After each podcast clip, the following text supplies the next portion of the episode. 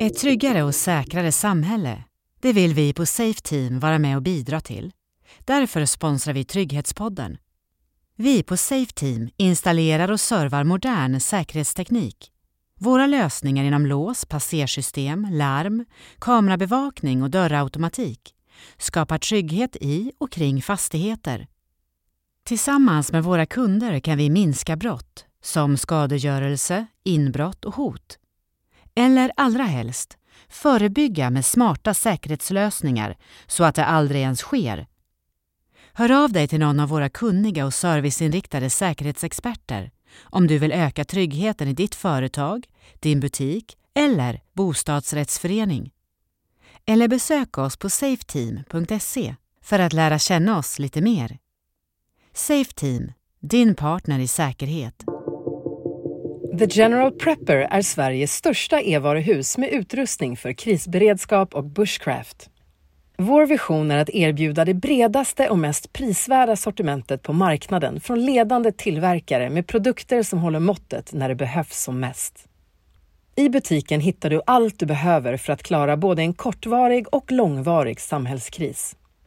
Här hittar du färdiga krislådor och guider som hjälper dig bygga en egen som passar just dina behov.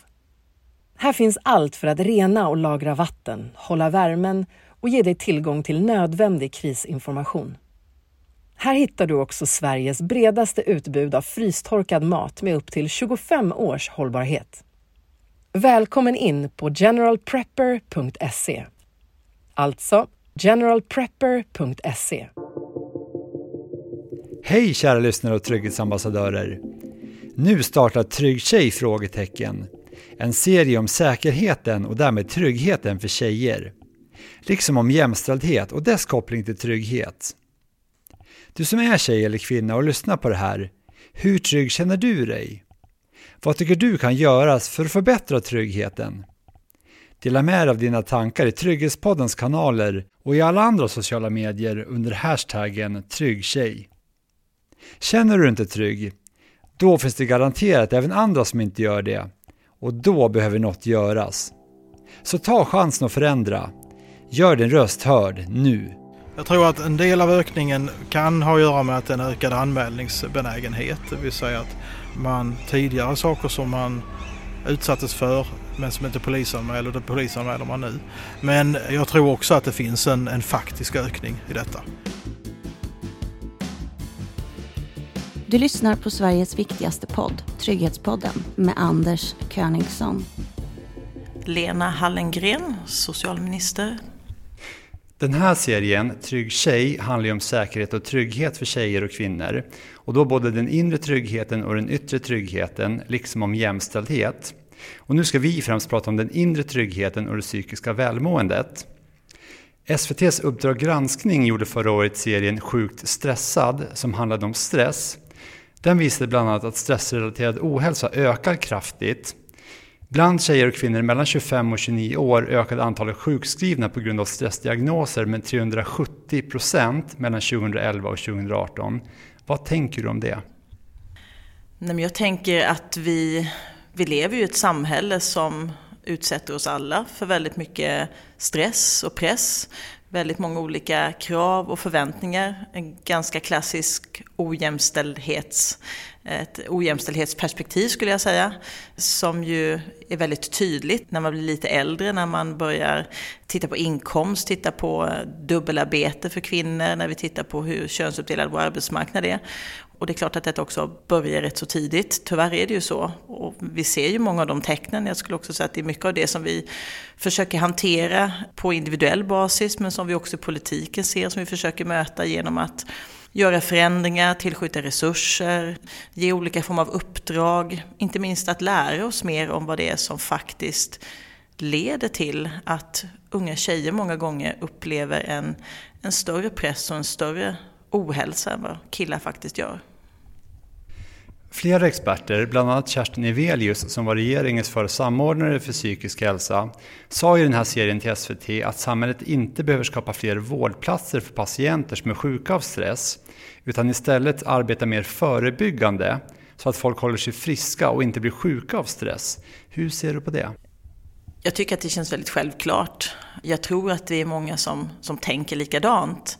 Sen är ju det inte så enkelt. För frågan är ju förstås hur vi ska arbeta förebyggande, både för att förebygga och se till att vi bibehåller en god psykisk hälsa, förebygga så att vi inte får en psykisk ohälsa. Men sen är ju frågan hur vi på bästa sätt gör det. Och då beror det förstås hela tiden på, talar vi om skolan, talar vi om familjesituationen, talar vi om liksom kompisgänget, talar vi om föreningslivet, sen talar vi om hela arbetslivet som ser väldigt olika ut. Så att det är ju en kombination av det som är det väldigt privata, så det, där det inte alltid är lika enkelt och inte alltid kanske heller önskvärt för politiken att att kliva in. Det kan man säkert ha många, inte minst partipolitiskt skiljande diskussioner om. Men också frågan om vilka krav och förväntningar ska man då ställa på en arbetsplats till exempel. Sen tycker jag det är viktigt att man kombinerar de här diskussionerna, för det är klart att den som sen är sjuk av stress den som har en psykisk ohälsa som, som påverkar en så pass negativt i vardagen att inte vardagen liksom funkar, att man inte kan gå till jobbet, som är skälet till att, en, att kvinnor dominerar i, i sjukskrivningsstatistiken till exempel, då måste det ju finnas vård. Och då är det inte bara frågan om att få specialiserad vård och barn och unga blir ju ofta en diskussion om barn och ungdomspsykiatrin och tillgänglighet och hur länge får man vänta på, på olika bedömningar och kanske på vårdinsatser utan att vi också tittar på det som också regeringen har givit uppdrag till eh, ett par utredare att titta på. Hur ska man snabbare kunna få hjälp med liksom väldigt låga trösklar. En, en lättare psykisk ohälsa måste man kunna möta och inte säga kom tillbaka, det är mycket värre. Så att det, det är både Anna Nergård som har fått ett tilläggsuppdrag att titta på hur primärvården ska kunna möta den med lättare psykisk ohälsa snabbare och enklare. Men också utredare som tittar på hur vi ska ha en sammanhållen barn och ungdomsvård för att inte göra för, för skarpa gränser som vi idag har, skulle jag säga, mellan kanske barnhälsovården och där föräldrar är väldigt närvarande och mycket handlar om regelbundna kontroller och det är vaccinationer och väga mäta och sen kommer man till skolan och man fortsätter väga mäta.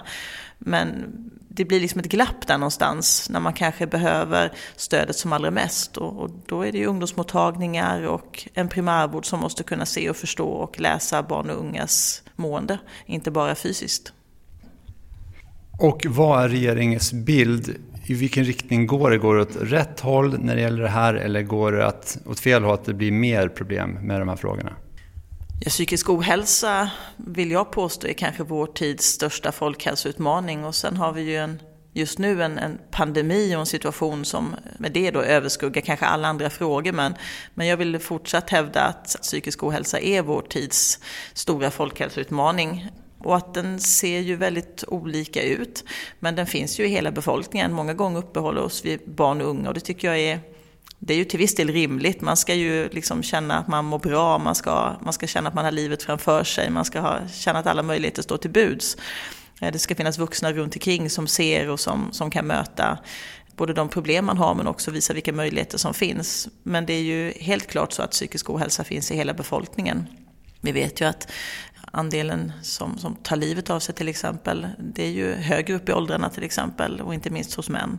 Vi vet ju att ensamhet är, är ganska förödande också för den fysiska hälsan till slut. Det tar sig fysiska uttryck. Så att, eh, och inte minst den här pandemin gör ju att personer som är över 70, människor som tillhör riskgrupper, personer som av olika skäl kanske inte kan vara på sitt arbete, som tappar väldigt mycket av sociala kontakter. Vi vet ju vad det vad mycket det betyder att få möta andra, att få vara i, ja, men i samvaro med, med nära och kära vänner, bekanta. Att inte vara ensam helt enkelt. Så ensamhet och isolering tycker jag är, det känns väldigt viktigt alltid. Men nu blir det ännu viktigare för att se till att vi inte skapar problem som vi skulle kunna undvika.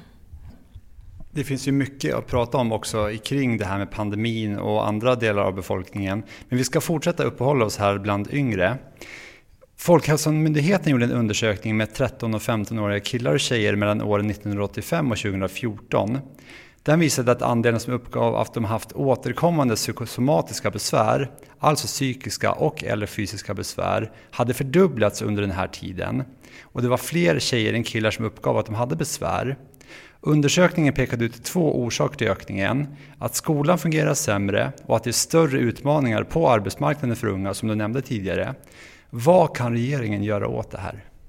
Ja, men dels så, så har ju Folkhälsomyndigheten faktiskt bara för några veckor sedan fått ett, ett väldigt tydligt uppdrag av regeringen att inrätta en särskild funktion som handlar om, om att eh, möta den psykiska ohälsan, bibehålla psykisk hälsa och inte bara med någon kunskap till andra myndigheter utan också kunna vända sig gentemot allmänheten för att vi ska lära mer och eh, för att, att verkligen lyfta frågorna om psykisk hälsa. Det, det tror jag är, är en viktig del. Så lyfter du specifikt egentligen både utbildningspolitik och relationerna på arbetsmarknaden. Och när det gäller skolfrågorna så är det klart att det handlar både om att, menar, att se till att det finns planer på skolor så att man vet hur man ska agera när det blir lite mer allvarliga situationer. Frågan om mobbning är ju klart helt relaterad till, till psykisk ohälsa. Mobbningen har ju funnits på agendan under en väldigt lång tid, både med stöd till olika civilsamhälles och frivilliga organisationer. Men det finns ju också på, på skolans område för att man också ska ha någonstans att vända sig, för att man, man ska känna att man, det finns någon som, som ändå kan ta emot ett ärende. Men det är ju, talar vi om skolan så är det klart att det är många olika saker. Det är inte bara specifikt skolan. För de, den press och de krav man har på sig är ju både de krav man har på sig själv, där man måste se till att unga människor får ett, ett självförtroende och en självkänsla som gör att man inte behöver känna att man ska tillgodose alla andras krav och förväntningar. Det är ju inte heller alltid säkert att alla har de kraven och förväntningarna, men de kan ju kanske upplevas så. Men det är ju en fråga både om kompisgäng och föreningsliv. Många gånger lyfts det upp frågan om, om väldigt stressig situation i skolan med kursbetyg för att bli väldigt konkret. Jag tror att det spelar roll. Jag tror att alla sakerna sammantaget spelar roll. Det är svårt att säga vilken som är den absolut viktigaste och därför behöver man jobba på många olika fronter. Här före jul någon gång så ska också Utbildningsdepartementet ta fram en plan för trygghet och studiero. Och jag tror att det spelar väldigt stor roll. Man måste känna att skolan, som ju är den plats där man, när man är ung, det är ju den plats som man tillbringar allra mest tid på. Det är inte en plats man kan välja heller. Utan man, man ska vara där och så länge man går i grundskolan så är det ju en plikt att vara där. Och när det inte längre är en plikt så ska man ju vilja fortsätta för vi vet hur betydelsefullt det är att man avslutar både gymnasiet och, och gärna vidare studier beroende på vad man har för planer för livet. Så att, eh, den planen tror jag blir viktig om trygghet och studiero, att jobba vidare med betygsfrågan men också hur vi ska samarbeta med, med civilsamhällesorganisationer och hur skolans ledning ska tänka på detta. Arbetsmarknadsministern är ju i sin tur ännu bättre på att beskriva hur man jobbar när det gäller arbetsmarknaden. Men det är klart att i en feministisk regering så är det ingen av oss som missar tillfället att beskriva hur viktigt det är att vi har en jämställd arbetsmarknad. Och vården och omsorgen som ligger under mina ansvarsområden är ju områden där majoriteten som arbetar är kvinnor och där vi kan ha en lång diskussion om om de har samma villkor och förutsättningar som män. Har teknikutveckling gått lika snabbt? Belönas de i lönekuvertet på samma sätt? Får de samma möjligheter till kompetensutveckling? Hur ser deras scheman ut? Det finns väldigt mycket att ta tag i och jag vill liksom verkligen understryka att det är ju inte så att ingen gör någonting eller ingen har gjort någonting men, men utmaningarna är ju kvar eller kanske förändras med tiden och då behöver vi också följa med i det när det gäller den lagstiftning vi har möjlighet att, att göra. För samtidigt som många undersökningar visar att det psykiska välmåendet i Sverige bland unga försämras, så visar de också att de flesta har ett bra psykiskt välmående och en ljus framtidsbild. Så vad ska man tro egentligen? Vad fint att du sa det, så, så behöver inte jag fundera på att det finns flera bilder, för att det är väl precis så det är i ett samhälle. Det ser olika ut. Och eh, dels handlar det om vilka uppväxtvillkor och förutsättningar man har. Jag tycker vi alltid måste förstå att, att alla inte har samma förutsättningar från första början och det beror på hur hemförhållanden ser ut. Det gäller både ekonomiskt och socialt. Var i landet man bor, kommer man in på den, de skolorna man ville. Så att det finns väldigt mycket runt omkring men, men det är väl helt enkelt så att för väldigt många barn och unga så är Sverige ett fantastiskt land att växa upp i om man får det stöd och den hjälp man behöver. Men vi måste ju tillsammans bli ännu bättre på att se och att upptäcka, att hjälpa och stödja de barn som, som har tuffare förutsättningar, som kanske inte får samma stöd hemifrån. Det är därför skolan är så otroligt viktig. Att vi å ena sidan kan beskriva att det finns stress och press och att man inte alltid upplever den trygghet som vi vill i skolan. Å andra sidan så är det för många barn andningshålet, den kompenserar för det som man inte får i hemmet och det är ju allt ifrån vad man lär sig till att få ett självförtroende till att få ett ett mål mat om dagen. Så att, eh, att vi har en väl utbyggd och välfungerande, välfungerande utbildnings och skolsystem, det hjälper ju förstås barn. Vi vet att det är den allra bästa förutsättningen för att få en både en god psykisk hälsa, att få ett arbete för att klara ett vuxenliv. Så att jag vill verkligen inte på något sätt svartmåla skolan utan skolan har ju precis som övriga samhället, det är ju en spegel av samhället och har ju samma utmaning och problem som, som vi ser på arbetsplatser eller i andra sammanhang. Den här serien Trygg tjej handlar alltså om trygghet men även om jämställdhet. Kan ökad jämställdhet bidra till minskad stress och därmed öka tryggheten hos tjejer? Ja, jag är ju helt säker på att jämställdhet är till gagn för allt. Jag tycker att det finns, det finns inga skäl till att inte arbeta för en, en situation där män och kvinnor, killar och tjejer, flickor och pojkar har samma förutsättningar och möjligheter. Vad det finns för liksom rakt samband, det kan jag inte riktigt svara på. Men det är klart att om man blir betraktad på samma sätt, om man blir värderad på samma sätt, om man känner att man har samma framtidsmöjligheter, då är det klart att det spelar roll. Och, eh, Nej, men jämställdhet spelar roll i alla sammanhang. Och sen, sen är det väl också så att det är inte bara så att det är tuffare för tjejer, utan ibland är det tuffare för tjejer, ibland är det också tuffare för killar. Jag kan ju vara bekymrad över situationen där där killar, om man nu tycker att man ska hävda sig eller att man eh, genom att vara tuff i skolan, genom att inte plugga lika mycket. Det finns ju många tendenser tyvärr som på sikt, kanske inte idag, men som på några års sikt också kan leda till att, att killar kommer sämre ut både på arbetsmarknaden. Vad kommer det då att leda till i deras mående, i deras stress över att inte kunna kanske få det jobb man hade tänkt sig, få den inkomst man vill och så vidare. Så att eh, ojämställdhet drabbar både män och kvinnor. Jag lämnar Lena Hallengren och socialdepartementet i centrala Stockholm och beger mig några kilometer söderut, till Fryshuset, där man bedriver verksamheter för unga. Här träffar jag justitie och migrationsminister Morgan Johansson som har tillbringat dagen med att diskutera trygghet tillsammans med ungdomar. Vi sätter oss på ett par bänkar utanför Fryshuset och börjar prata om hur han anser att tryggheten för unga tjejer i Sverige är idag, i synnerhet i offentliga miljöer. Jag skulle nog vilja säga att för de, i de flesta situationer så är ju Sverige ett, ett tryggt land, framförallt som jämförelse med, med många andra länder.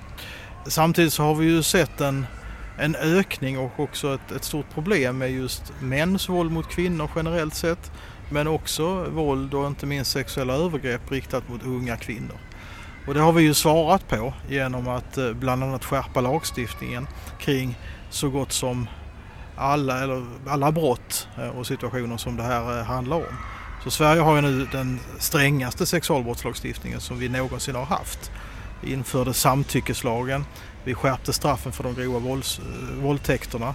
Vi förbättrade också stödet för målsägande, det vill säga de som har utsatts för, för brott. Vilket vi nu har sett har lett till en kraftig ökning utav antalet fällande domar i våldtäktsmål. 75% ökning faktiskt i förhållande till innan vi, den här lagstiftningen. Så det är en sak som vi har gjort. Men vi kommer under resten av mandatperioden att fortsätta att eh, förstärka lagstiftningen just kring detta. Samtidigt visar statistik enligt nationella trygghetsundersökningen, NTU, som Brottsförebyggande rådet gör, så har framförallt antalet unga tjejer som anmält att de utsatts för sexualbrott ökat kraftigt i Sverige från år 2013. Mellan 2006 och 2012 uppgav drygt 7 procent av tjejerna i åldersgruppen 16 till 24 år att de utsatts för sexualbrott föregående år, alltså mindre än en av tio. Men enligt NTU för 2019 uppgav drygt en tredjedel av tjejerna i åldersgruppen 16 till 24 år att de utsatts för sexualbrott föregående år. Alltså drygt var tredje tjej och det här bara på ett år. Hur ser du på det här? Den utvecklingen är ju väldigt oroande och det är precis därför som vi gick in med de eh, straffskärpningar som vi gjorde, samtyckeslagstiftning och vi ser nu en, en påtaglig effekt också av att domstolarna tillämpar de här, den här nya lagen. Och som sagt, Sverige har nu den strängaste sexualbrottslagstiftningen någonsin.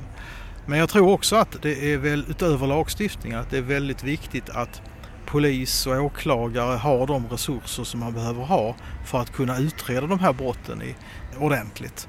En del av de här brotten kan vara väldigt svårbevisade. Det kräver ganska mycket av en brottsutredare. Och det har vi ju då tagit till oss och i den här, som ett, led i den stora expansionen utav polisen som nu genomförs. Polisen ska ju växa med 10 000 anställda fram till 2024. Men som ett led i det, då rekryterar också polisen 350 nya utredare som är specialiserade på våld i nära relationer, hedersvåld och då också sexualbrotten. Och där ser jag redan att eh, man kommer igång och börjar beta av de balanser som har funnits, kanske brott som har, har legat länge tillbaka i tiden så att säga, som man nu kan, kan ta tag i. Och det är ju enormt viktigt därför att när du anmäler ett sånt här allvarligt brott då måste du känna att rättsväsendet eh, verkligen tar dig på allvar. Och det här kommer vi att fortsätta med också, bygga ut detta ytterligare för att se till att, att förstärka också det straffrättsliga skyddet för, för unga kvinnor på det här sättet. Vad är regeringens bild av vad den här kraftiga ökningen beror på? Jag tror att en del av ökningen kan ha att göra med att en ökad anmälningsbenägenhet, det vill säga att man tidigare saker som man utsattes för men som inte polisanmäler, det polisanmäler man nu. Men jag tror också att det finns en, en faktisk ökning i detta. Och det finns bara ett sätt att komma till rätta med det. Och det är att se till att trycka tillbaka den typen av kriminalitet, att eh, lagföra eh, gärningsmännen och se till att de också döms. Så därför så när Brottsförebyggande rådet då häromdagen kunde konstatera att antalet fällande domar när det gäller våldtäkter hade ökat med 75 procent från 2017 till 2019. Och det kan man inte knyta till någonting annat än just den nya samtyckeslagen. Då känns det ju verkligen som att den verkligen har haft effekt på det sättet. Men jag tror också den har haft effekt på ett förebyggande plan. Det vill säga att det nu står helt klart att ett nej är ett nej. Och det ska sitta i ryggmärgen på varenda pojke och man i Sveriges land. Att det är det som, som gäller för alla typer av sexuella relationer. Att det bygger på samtycke och frivillighet. Och om det inte finns samtycke och frivillighet, ja då begår man helt enkelt ett brott. Det har i sig en väldigt stark, tror jag, förebyggande effekt. Här finns det inte de här typen av gråzoner längre på samma sätt som fanns tidigare. Och eh, då ska man vara väl medveten om, om det, att om man träder över de här gränserna ja då riskerar man helt enkelt att lagföras för något av de här brotten helt enkelt. Det har, tror jag, eh, utöver detta då, när vi skärpte straffen så genomförde vi Brottsoffermyndigheten också en informationskampanj riktat just mot ungdomar eh, och den informationskampanjen hette Frivilligt sex. Och eh, det var en bred informationskampanj som nådde väldigt många. Jag tror att den här typen av förebyggande arbete också kan få effekt faktiskt. Nu pratar du mycket om samtyckslagen och då är det ju ofta att man har en relation till någon eller att man ändå har kommit nära en person. Men hur är det i offentliga miljöer? Ja, samtyckeslagen kan ju handla om delar om det här, det som tidigare var grå, gråzonerna, det vill säga där det kanske fanns alkohol med i bilden, där gärningsmannen hävdar att, eh, att det kanske fanns ett samtycke men där det ändå inte har funnits. Den typen av eh, situationer. När det gäller eh, sexuella övergrepp i den offentliga miljön, där gäller ju den, den vanliga lagstiftningen förstås. Där skärpte vi straffen för de grova våldtäkterna. Eh, vi kommer också att gå vidare med att skärpa straffen för våldtäkt utav normalgraden som det då heter, där minimistraffet idag är två års fängelse. Vi har en utredare nu som ser över straffskalan för, för våldtäktsbrottet. Vi gick till val på att höja det minimistraffet från två år till tre års fängelse. Den utredaren ser också över brottet som handlar om sexuellt ofredande. Det vill säga om det ska finnas ett grovt brott också på sexuellt ofredande där man kanske är ett, ett gäng som ägnar sig åt och planerar så att säga sexuella ofredanden. Då är det en annan karaktär än de ofredanden som man tidigare har haft att, att göra med. Och då får vi se vad, vad utredaren kommer fram till. Det är riksåklagare Petra Lund som håller i den, i den eh, utredningen. Men vår inställning är ju att här ska vi gå i skärpande riktning också för den delen. Flera andra undersökningar visar också att många unga tjejer känner sig mer otrygga idag. Till exempel visar en undersökning från Region Uppsala att tryggheten bland tjejer på gymnasiet där har sjunkit drastiskt när de är inne i Uppsala centrum. 2013 kände sig 45 procent av tjejerna trygga, 2017 bara 19 procent. Fyra av fem tjejer känner sig alltså otrygga i centrum i Uppsala. Hur ser du på det? Det finns ju, måste ju finnas skäl till det. Att, eh, det kan ju mycket väl vara så att det finns eh, killar där som, som hänger på de ställena eh, och som uppträder eh, hotfullt. Eller eh, eh, man får en otrygghetskänsla när man, man går förbi så att säga. Och de kan i sin tur ha en, en annan bakgrund i, i gängkriminalitet helt enkelt. Vi har ju precis genomfört den här stora polisinsatsen Rimfrost. Där vi kraftsamlade på vissa platser i, i Sverige och där man faktiskt ser de mest påtagliga effekterna är just i Malmö och just i Uppsala också. Och eh, vi får väl se vad kommande utvärderingar visar just om det här har fått effekt för den delen. Men eh, man ser det på skjutningar och sprängningar men också, också i övrigt hur många gripanden man har kunnat göra utav de, av folk i de gängkriminella miljöerna. Då är det både i Malmö och i Uppsala faktiskt som, som man har fått bäst effekt. Sen en annan sak som vi också har genomfört det är ju att vi har ju utökat möjligheten till kameraövervakning på de särskilt brottsutsatta platserna. Och vi har ju nu mer kameror uppe än, än någonsin tidigare i Sverige faktiskt på så gott som alla de, så gott som alla de utsatta bostadsområdena. Jag kan räkna upp dem. Rosengård, Lindängen, Hjällbo, Bergsjön, Tensta, Rinkeby och så vidare. Va? Där finns nu kameror uppe som inte fanns eh, tidigare alls. Det ger också en ökad trygghetskänsla för medborgarna.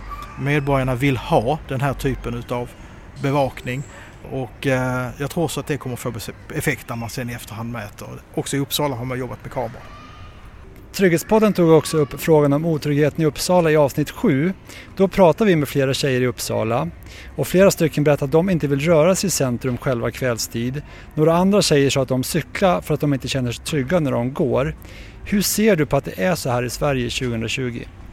Nej, den känslan ska man inte behöva ha och eh, det handlar ju i slutändan om att se till att de som utgör, som är källan till den här otryggheten, alltså de här kanske unga killarna som, som begår eh, brott och som eh, hänger i centrum och som är liksom källan till den här otryggheten, att man eh, går på dem i den, om de begår brott helt enkelt. Och för det behövs en eh, ökad polisiär närvaro, ökad kameraövervakning men det behövs ju också förebyggande insatser riktat mot, mot dem helt enkelt. Så att de eh, väljer en, en annan eh, livsstil helt enkelt. Och om man inte gör det då, då är ju risken stor att eh, de så småningom får stora bekymmer med, med rättsväsendet.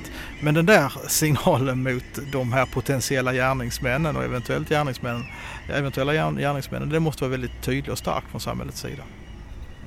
När ska unga tjejer kunna röra sig fritt i offentliga miljöer utan att behöva utsättas för sexualbrott eller känna sig otrygga? Jag tror aldrig att vi kommer att uppnå ett samhälle där vi helt och hållet har utraderat den här typen av, av brott.